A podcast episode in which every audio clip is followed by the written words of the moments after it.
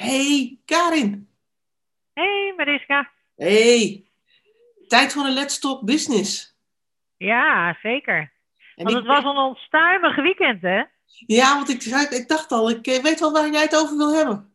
Ik denk dat ik Ja, het was- heb. Onstuimig weekend. Niet alleen qua weer, maar eh, zeker ook als we het hebben over de luchtvaart. Ja, precies. Want heb je het wat meegekregen, wat er zich di- dit weekend allemaal ontsponnen heeft? Nee, ik heb, het, ik heb het natuurlijk wel gevolgd, maar ik ben heel benieuwd hoe jij daarnaar kijkt. Ja, Met onze vaderlandse KLM. ja. Nou ja, hoog spel zou ik eh, eh, zeggen. Eh hoog spel, ik vond het echt wel spannend.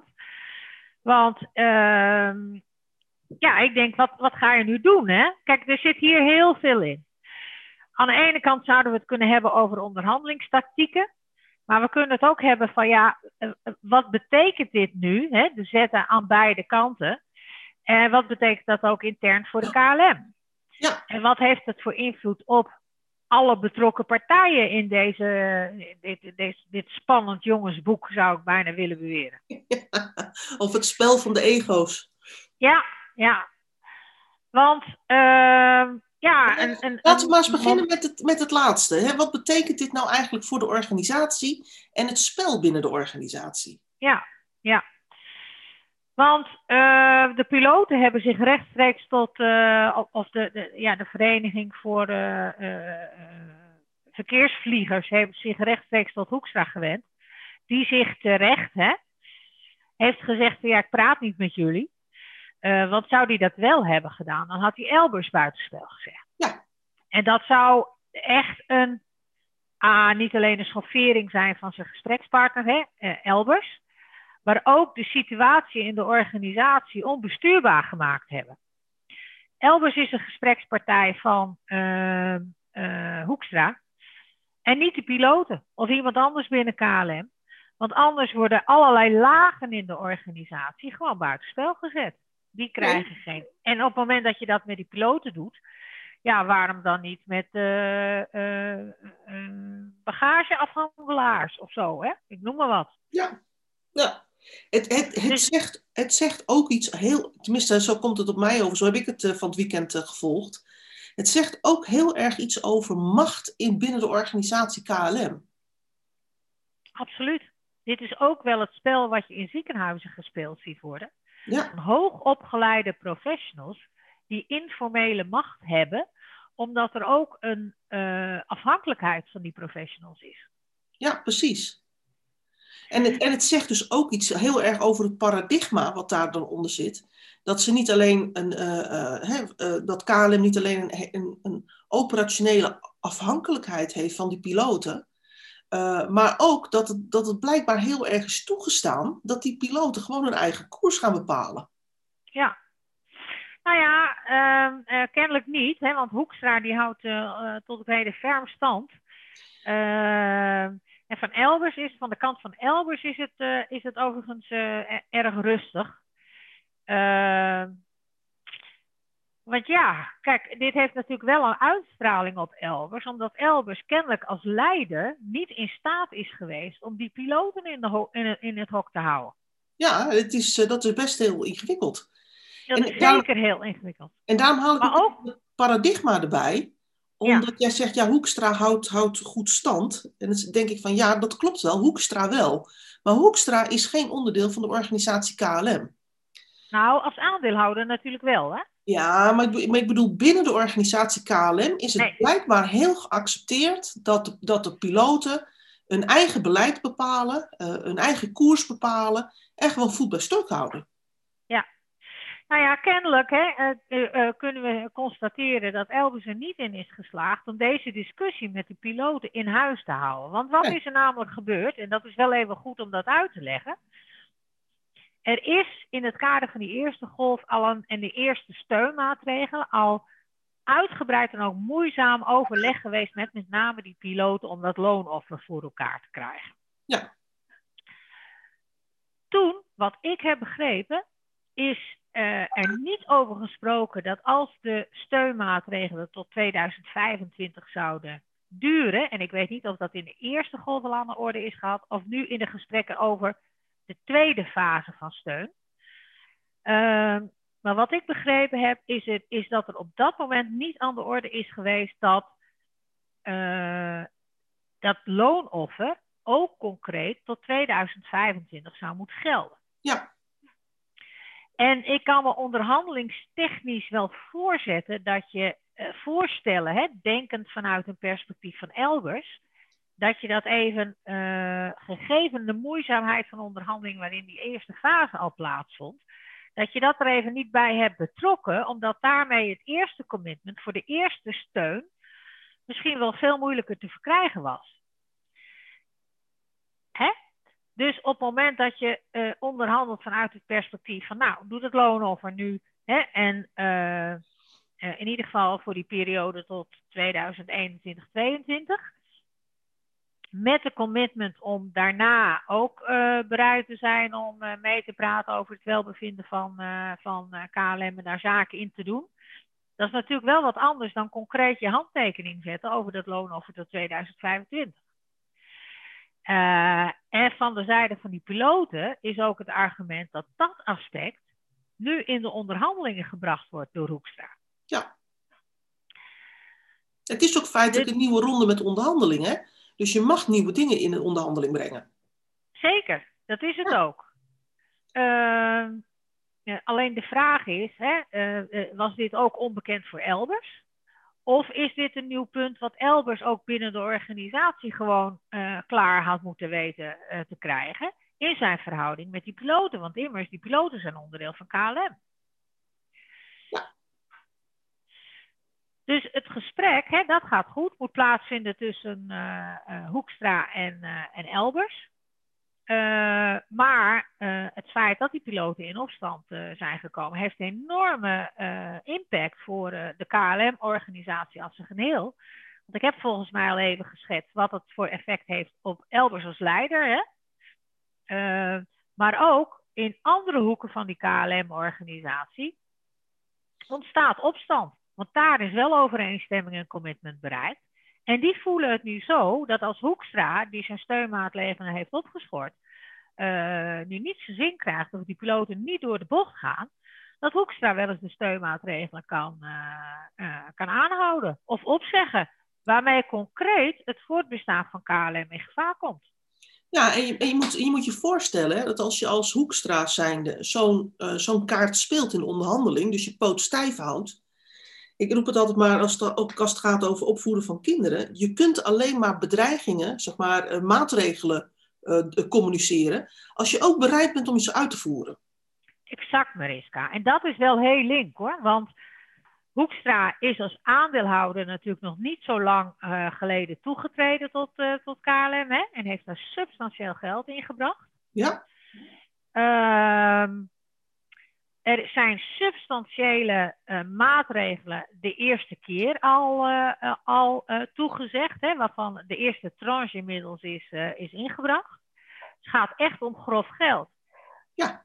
Dus als hij de kaart speelt, piloten, als jullie niet door de bocht willen, hè, of Elbers, als jouw piloten niet door de bocht willen, dan zeg ik het op en dan volgt een faillissement. Betekent uh, ook dat de staat van Nederland heel veel geld uh, uh, kan opschrijven en het zicht op terugbetaling alle minuut verloren heeft. Ja, aan de met andere kant, hè? En wij... werkloosheid, met werkloosheid en die gevolgen van dien, hè? Ja, aan, aan de andere kant, hè, het is natuurlijk ook, we zeggen altijd, hè, sunk cost. We zijn natuurlijk, we kopen te vaak tegen organisaties aan die beslissingen nemen van we, we blijven nu maar investeren in een bepaald uh, project of een bepaalde uh, productgroep, omdat we er al zoveel geld in geïnvesteerd hebben. Ja, te veel. Te veel. Ja, en als KLM uh, in de inschatting van, van Hoekstra echt niet zeg maar, tot bestaansrecht te krijgen is, anders dan met de maatregelen die hij voorstelt, dan is het op een gegeven moment ook heel goed om er gewoon een streep onder te zetten en zeggen, nou ja, ik neem een verlies, van alles wat ik er tot nu toe ingepompt heb. Uh, en we gaan op een schone lijn weer verder. Ja. Weet je wat, weet je wat ik heel, heel stout dit weekend uh, heb gedacht? Nou? Miss, misschien koerst hij er wel op aan. Ja. Want, want wat doe je dan? Je bent in één klap, ja, je bent je eigen geld kwijt, maar je bent in één klap ook alle schulden kwijt hè, voor KLM. Precies. En die hele vervelende piloten. Ja, want de Telegraaf uh, meldde gisteren, uh, had een artikeltje staan uh, over dat piloten bij de KLM ongeveer een keer zoveel verdienen als piloten bij, bij, de, bij de lage kostenmaatschappijen. Ja, ik heb, ik heb gelezen 25% meer dan bij Lufthansa. Ja, en, en, en als je dus praat over de prijsvechters, dan zit KLM ja. bijna op het dubbele. Ja, moet je nagaan.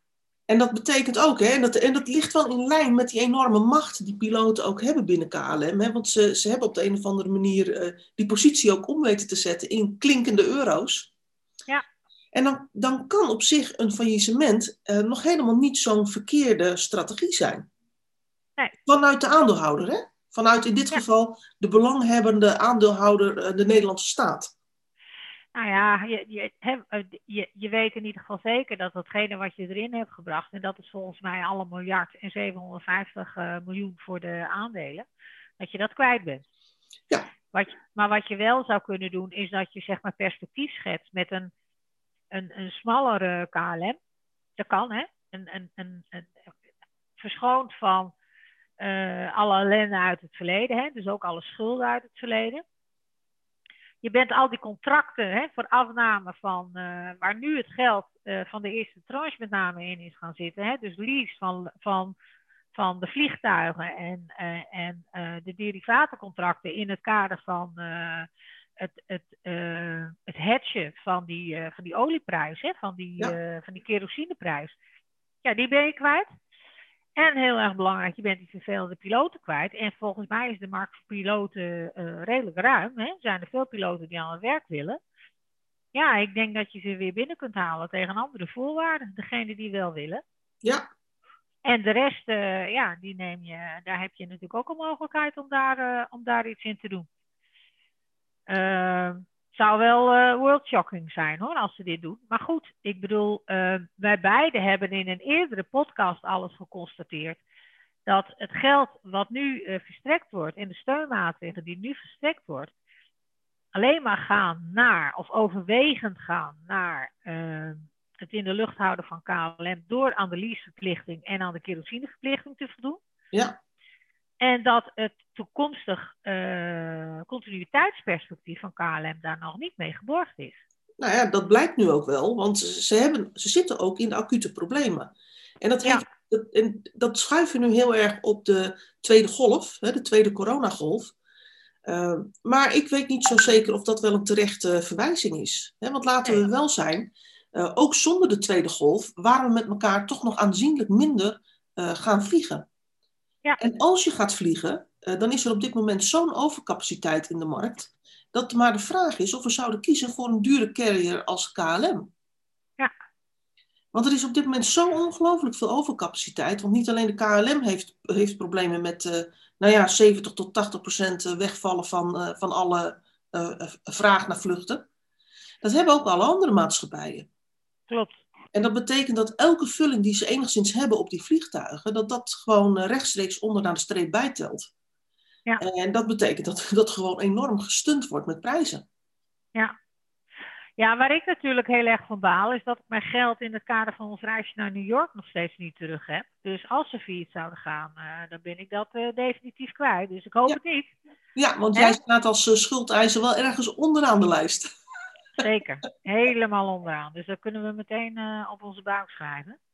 Uh, maar goed, ik, ik zou me voor kunnen stellen vanuit een bedrijfseconomisch perspectief en een toekomstperspectief hè, over toekomstige continuïteit, dat dit wel een scenario is wat bij uh, Hoekstra en gewoon uitgerekend wordt en bekeken ja, wordt als een, uh, als een zeer reëel scenario. Ja, en het, en het leuke vind ik, want het is natuurlijk in, in internationaal gezien wordt, uh, worden luchtvaartmaatschappijen, nationale luchtvaartmaatschappijen, toch iets gezien als iets van nationale trots. Hè? Want zo ja. kom je over de hele wereld zichtbaar in beeld. Ja. Uh, Denk aan Alitalia, hè, die ook al een aantal keren is gefailleerd. Ja, en dat betekent ook dat er een enorme nationale trots en emotie achter zo'n bedrijf zit. Ja. Uh, en het zou niet de eerste keer zijn dat de Nederlandse overheid daar een, een, een, een afwijkende stelling in neemt, die gevolgd wordt door allerlei andere landen. Ja. En dat zou wel eens tot een oplossing kunnen zijn in die enorme overcapaciteit die er op dit moment is in de luchtvaart. Precies. Ook voor corona al, hè? Ja, ja, ja, ja, ja. Want dit is, dit is volgens mij een fenomeen wat nu uh, in deze tijd gewoon extra, uh, zich extra openbaart. Maar, uh, en misschien wel ook in een versnelling komt. Ja. Want, want was corona er niet geweest, ja, dan krijg je toch het effect van de patiënt die aan een druppelend infuus van zuurstof ligt. maar nog steeds het leven houdt. Ja, dit zou wel eens, wel de bloody limit kunnen zijn. Ook natuurlijk voor het maatschappelijk sentiment hè, over is het nog gerechtvaardigd om zoveel miljard in de KLM te steken, terwijl hè, de publieke opinie, overal om je heen verliezen mensen hun werk. En dat gaat even om andere banen dan de goudgerande banen van de KLM-piloten. Ja. Dus als je het hebt over geaccepteerd zijn en, en draag vlak hebben voor dit soort uh, acties, ja, dan denk ik dat de KLM-piloten zichzelf niet een dienst bewijzen. Nee. Even een hele andere vraag, Karin. Hè? Als jij nou elders zou zijn, ja. wat zou jij dan doen? Je hebt dus een, een, een, een, een werknemersgroep in je tent, die ja. de poot dwars zet. Ja. En die eigenlijk ook een machtspositie heeft, en van oudsher al, om dat te doen. Ja. Wat zou jij nou doen? zou samen met Hoekstra een scenario bedenken. En dat scenario zou wat mij betreft ook nog best een doorstart kunnen zijn. Ja. Omdat uh, hij kan niet zonder Hoekstra. Ik bedoel, uh, Hoekstra is zijn bank, om het zo maar te zeggen. Mm -hmm. En ik zou uh, die piloten zou ik echt uh, voorhouden van, nou ja, weet je, ook ik kan mijn verantwoordelijkheid niet meer nemen. Hè. KLM heeft een enorme maatschappelijke impact. Dus een enorm belang bij KLM voor werkgelegenheid. Maar wat ik je ook zei, hè, die, die, die maatregelen die moeten uiteindelijk wel betaald worden door, door, door ons als belastingbetaler. Uh, maar ook door heel veel toekomstige generaties. Onze kinderen worden opgeschadeld met de schuld van KLM. Ja. De vraag is, of je als piloot hè, je poot zo stijf kunt houden, met als gevolg uh, minder maatschappelijk draagvlak, met als gevolg een, een, schisma binnen de organisatie die KLM heeft. Want die bagagevervoerders en, en degene die je bagage afhandelt, en de mensen die gewoon op het vliegtuig zelf uh, werken, die zijn al lang akkoord gegaan. Omdat die zien dat ze hun banen graag willen houden. Dat zijn andere banen dan dat die piloten hebben, tegen een andere vergoeding. Ja, en, het, en, en, het, het en, die geven al, en die geven al richting de piloten aan, nou bedankt hè, we zien elkaar bij het UWV. Dat geeft al aan wat voor scheidingen binnen de organisatie ontstaat. Wat natuurlijk ja, funest is, desastreus is, als je één organisatie als Elbers wil leiden. Dus dit, is, dit is heel erg vervelend, want er ontstaat op, vele fronten schade, zowel binnen de organisaties KLM, binnen het draagvlak voor uh, eh, KLM uh, eh, bij ons als maatschappij. Uh, er ontstaat schade aan de persoon Elbers als leider van KLM, omdat hij niet in staat is gebleken om dit gesprek gewoon met die piloten intern te houden. Ja. Ehm, en dan zeg ik niet dat het hem te, te wijd is, hè? Uh, maar het straalt wel op hem af. Dus ik, ik, ik zou als, uh, als leider heel, heel dicht tegen uh, die piloten aan gaan zitten. En waar die piloten, wat nou de reden is geweest voor die piloten om dit te gaan doen, dat zit volgens mij ook, en jij noemde dat al, in geknakt ego. Kijk, Hoekstra heeft gezegd, mijn onderhandelingspartner is Elbers. Het zijn niet die piloten. En, en bij onderhandeling over de steun hebben dus kennelijk Elbers met zijn partij en ondersteuners en adviseurs en Hoekstra met zijn ondersteuners en adviseurs aan tafel gezeten. Daarbij zijn niet de bonden betrokken en dus ook niet de piloten. Nee. Ik, ik weet niet of dat een fout is geweest. Wat je zou kunnen zeggen, nou, van, van uh, zowel Hoekstra als van Elbers. Want uh, als het gaat, want dit is toch een soort van ja, reorganisatie zou je kunnen zeggen. Dan is het voor het draagvlak van alle stakeholders in de organisatie wel belangrijk dat je die meekrijgt. Maar deed jij dat als bankdirecteur ook? Hè? Jij bent natuurlijk bankdirecteur geweest. Ja. En jij hebt ook bedrijven in zwaar weer eh, begeleid. Ja. En jij dan naast, zeg maar, dat als jij zegt, nou ja, ik wil er wel over hebben over, een, eh, over nog een krediet te geven, dan ga ik met de directie en de bonden om tafel. Ja, soms, soms betrok je daar de bonden bij. Maar dan ga je, toch je... je gaat toch eerst met de directie om tafel? Zeker, altijd eerst met de directie. Maar op het moment dat je daaruit bent, dan wil je wel weten of, uh, of de bonden niet roet in het eten gaan gooien. Hè? Want dan, anders is het water naar de zee dragen. Maar, dat dus is toch, maar dan is toch je primaire gesprekspartner daarvoor, is toch de directie? Altijd, ja, tuurlijk. Dus het, dus het kan zijn dat jij aangeeft bij de directie van, jongen, luisteren, wij zijn er wel uit. Heb jij het gevoel dat de bonden meegaan? En als iemand zegt van, nou, ja, dat wordt kiele kiele, hè, uh, uh, zullen we het gesprek samen aangaan? Nou, nee, nee, want dat deed ik niet. Want dat is de verantwoordelijkheid van de, uh, van de directeur en de ja, van de organisatie. Hè, dus, de, maar wel gezegd van, nou ja, je moet de bonden daar wel op een, uh, op een uh, zodanige manier bij betrekken dat voordat we het helemaal rond hebben, dat die bonden wel akkoord gaan. Want anders hè, dan, dan ja. kunnen we alsnog route in het eten hebben. Maar volgens mij heeft Hoekstra precies deze lijn gevolgd. Ja, klopt. Ja, dat heeft hij gedaan. Alleen mijn vraag is van ja, heb je daar als Elbers, heb je dat, heb je dat voldoende meegenomen? En, wat die, en, en dat spel, dat kunnen we natuurlijk ook niet helemaal ontwaren. Is dit nou dat die bonden hebben gezegd van ja, we willen eerder aan tafel zitten hè, bij een zo grote reorganisatie? We, willen eerder daar deel van uitmaken. Uh, de, dat kan ik niet inschatten. Nee, maar ik, ik, ik denk, hè, als ik, als ik uh, Elbers zou zijn, nou, laat ik zo als ik, als ik in de positie van Hoekstra had gezeten, zou ik ook gezegd hebben, maar luisteren, ik deal met de directie van KLM. En uh, en that's it. En als die zeggen van, joh, wij, uh, wij brengen het verder en wij praten met de bonden over. Nou, dan, dan laat je het daar liggen, want dat is de juiste plek waar het, waar het zou moeten liggen. Precies. En en ik snap ook wel dat de bonden zeggen van, maar luisteren, dit is zo'n grote reorganisatie, wij willen bij de onderhandelingen aan tafel zitten. En waarschijnlijk heeft die pilotenvakbond uh, dat ook gezegd. En heeft vervolgens uh, verwacht dat ze ook aan tafel gevraagd werden. Ja, die zijn een beetje. Uh, ja, ik heb het idee dat die wat koud gesteld zijn. In de zin van, nou ja, weet je, laten de, maar dat is wel de koninklijke weg. Hè? Dus eerst tussen Hoekstra en Elbers, om het zo maar te zeggen. En vervolgens in afstemming moet Elbers zorgen dat hij het, dat hij het met die vakbonden gedraaid krijgt. Is dit, nou, is dit nou misschien ook zo'n laatste stuiptrekking van macht? Van macht vast willen houden door zo'n pilotenvakbond? Die staan natuurlijk ook onder druk. Hè? Het wordt, uh, het, uh, de, uh, de, Telegraaf plaatst gewoon openlijk in een artikel wat, wat piloten verdienen en wat eerste officieren verdienen op vliegtuigen. Ja. Bij de KLM en ergens, ergens anders in de markt. Ja. Uh, het personeel van andere sectoren, van niet-piloten, stoppen briefjes bij piloten in de brievenbus van nou tot ziens bij het UWV. Ja. ze worden niet aan tafel gevraagd bij onderhandelingen. Dat betekent, het kan ook een signaal zijn dat ze hun macht aan het verliezen zijn in die organisatie. Hè? Ja, zeker. Ik denk dat het daar alles mee te maken heeft.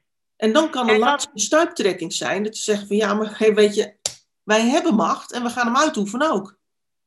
Ja, uh, alleen ik denk dat ze daarbij wel een. een uh, ik denk dat ze uh, inschatten dat de staat al aandeelhouder is van KLM. Dat de staat al een miljard aan steun heeft, heeft gefourneerd hè, voor KLM. En dat dat belang zo groot is dat de staat niet meer om gaat liggen. Hè, dat die deal er wel komt. Maar ik denk, ik denk dat ze daar wel eens een, een, een enorme inschattingsfout zouden kunnen maken. Want het sentiment, kijk, wat nu ook naar buiten komt, is uh, door, doordat hun opstelling zo is zoals die is, is dat naar buiten is gekomen dat ze weliswaar een loonoffer hebben gedaan die eerste ronde tot 2022 of zo. Maar dat ze in de plaats daarvoor hebben uitonderhandeld dat zij uh, business class tickets mogen vliegen. Uh, en, en, en nog iets, hè, dus dat ze in natura een stuk van dat loon gecompenseerd krijgen. Ja. En, en dat maakt je er ook niet sympathieker op hè, in de publieke opinie. En nee, dit het, weer. Want piloten hebben dat wel en de rest van het KLM-personeel heeft dat niet. Nee, die heeft gewoon een offer gedaan. Dus ze zeggen van ja, het was een arbeidsrechtelijke onderhandeling, dus dat kunnen we gewoon doen. En dat klopt ook, dat klopt formeel. Alleen in hoe wordt dit nu beleven, beleefd door de rest van de organisatie, maar ook door de maatschappij, daar, houden ze, daar maken ze denk ik een inschattingsfout. Uh, wat de consequentie daarvan is. Want om die reden zou dat best eens een, een, een druppel uh, voor Hoekstra kunnen zijn. En zeggen van, weet je, we gaan een ander scenario in. Waarbij wij uh, het toekomstig bestaansrecht, want er zijn nog meer bruggen die wij moeten passeren voordat KLM weer het toekomstig bestaansrecht heeft. En dat gaat ook nog wel wat geld kosten. We doen het in één keer goed. We gaan afslanken, we laten het failleren, we maken een geleide doorstart. En ja. Even een ander vraagje. Uh, als stel nou dat Hoekstra de koers vaart van nou weet je, laat het maar ploffen, we failleren KLM. Wat betekent dat in de verhouding met Air France? Ja, dat is een hele interessante. Want het kon namelijk ook wel eens het probleem met Air France oplossen van, van de Nederlandse staat. Ja, zou heel goed kunnen. En, en als dat zo is, uh, ja, dan, dan, dan zouden ze kunnen overwegen van ja, heel jammer dan van dat geld. Maar als ze hiermee doorgaan, dan zou het toekomstig nog wel veel meer geld kunnen kosten. Hè? Dus nu laten, nu substantieel laten, om toekomstig te winnen, dat valt uit te rekenen. Wat voor scenario het dan wordt. Ja, want, en dan zouden, als, en KLM, als KLM nou zou failleren, hè? En, en er zou een nieuwe KLM, KLM 2 komen. Ja. Uh, dat is dan niet automatisch ook Air France, hè? Nee, het is een nieuwe entiteit. Wat, hoe zouden ze daar in Frankrijk? Even een schot voor de boeg. Hoe denk je dat ze hier in Frankrijk naar kijken? Ja, geen idee. Ik denk uh, dat, dat dit. Uh... Geen idee. Wat denk jij daarvan? Nou, ik denk dat de kans dat KLM failleert. voor Air France nog wel eens een veel grotere strop zou kunnen zijn.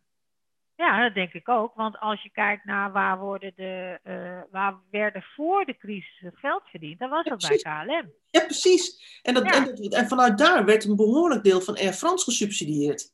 Ja. Alleen ik weet niet precies hoe de, hoe de, uh, uh, de, de entiteit Air France KLM in elkaar zit, juridisch. Nee, dat weet ik ook niet. Want dat, hè, dus want normaal zou het zo zijn, als het één entiteit is, als het gefuseerd is, ja, dan neemt het faillissement van KLM, neemt Air France ook mee in een faillissement. Ja, maar ja, dan krijg je weer nationale trots, hè? En ja. de, of de Franse overheid ook, eh, zeg maar, bij machten is om Air France te failleren. Het zou overigens ook voor de Franse overheid een enorme uh, opluchting kunnen bieden als Air France uh, failleert en, en ook daar een doorstart kan maken als een nieuwe organisatie. Dus ik, ik, ik denk dat uh, die piloten denken dat ze kaarten in handen hebben. Maar dat zou wel eens een hele vervelende boemerang uh, kunnen zijn. Op ja. termijn. Ja. En wij speculeren natuurlijk omdat we veel niet weten. Hè, van hoe zitten jullie structuur nou exact in elkaar tussen Air France KLM. Maar het, misschien hebben die piloten Hoekstra nu wel iets gegeven waarvan hij zegt van nou, ik hoop dat ze nog even volhouden. Uh, want uh, Hoekstra, is slim genoeg en ook handig genoeg om dan niks te gaan te laten doen. Hè? Dat, dat KLM echt zelf dan gaat aanvragen. Zodat de schuld en ook de maatschappelijke schuld en uh, de perceptie van de schuld ligt bij de piloten. Ja.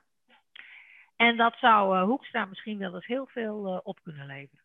Ja, dat denk ik ook. En daarmee eigenlijk ons als Nederlandse staat ook. Ja, precies. En ons als Nederlandse samenleving, als burgers van deze samenleving. Ja, dat denk ik ook. Dus ja, nog af. Maar goed, nogmaals, hè, wel met die kanttekening. Ik kan niet helemaal inschatten wat dat betekent voor werkgelegenheid in, uh, in, in aanverwante sectoren. Nou ja, dat hangt er ook uh, vanaf of er wel of niet een doorstart komt dan, hè? Nee, precies. Ja. Ja. Ja, en, hoe en hoe groot die doorstaat is, hè? wat de ja. omvang is van die doorstaat. Nou, ik denk dat we daar komende week nog van alles over gaan horen en lezen. Ja. Want dat kon nog wel eens, uh, zo, zoals mijn dochter zou zeggen, het is interessante schissel. Nou, vind je niet? ja, ik, dacht van, ja. dit, is, dit voelt voor mij wel als een spannend jongensboek. Dus ik, uh, we gaan het nou volgen. Ja, dat gaan we doen. Maar voor nu hebben we er even weer genoeg over gesproken, want we zijn alweer een half uur bezig. Zo is het. en we kunnen uren door blijven praten over de KLM. Dat is namelijk ook het fenomeen. Ja, ja zeer interessant. Ja, het uh, we, gaan, we gaan het volgen en het wordt ongetwijfeld vervolgd. Zo is het. Hey. Doei doei. Dank je voor dit gesprek weer. Joe, jij ook.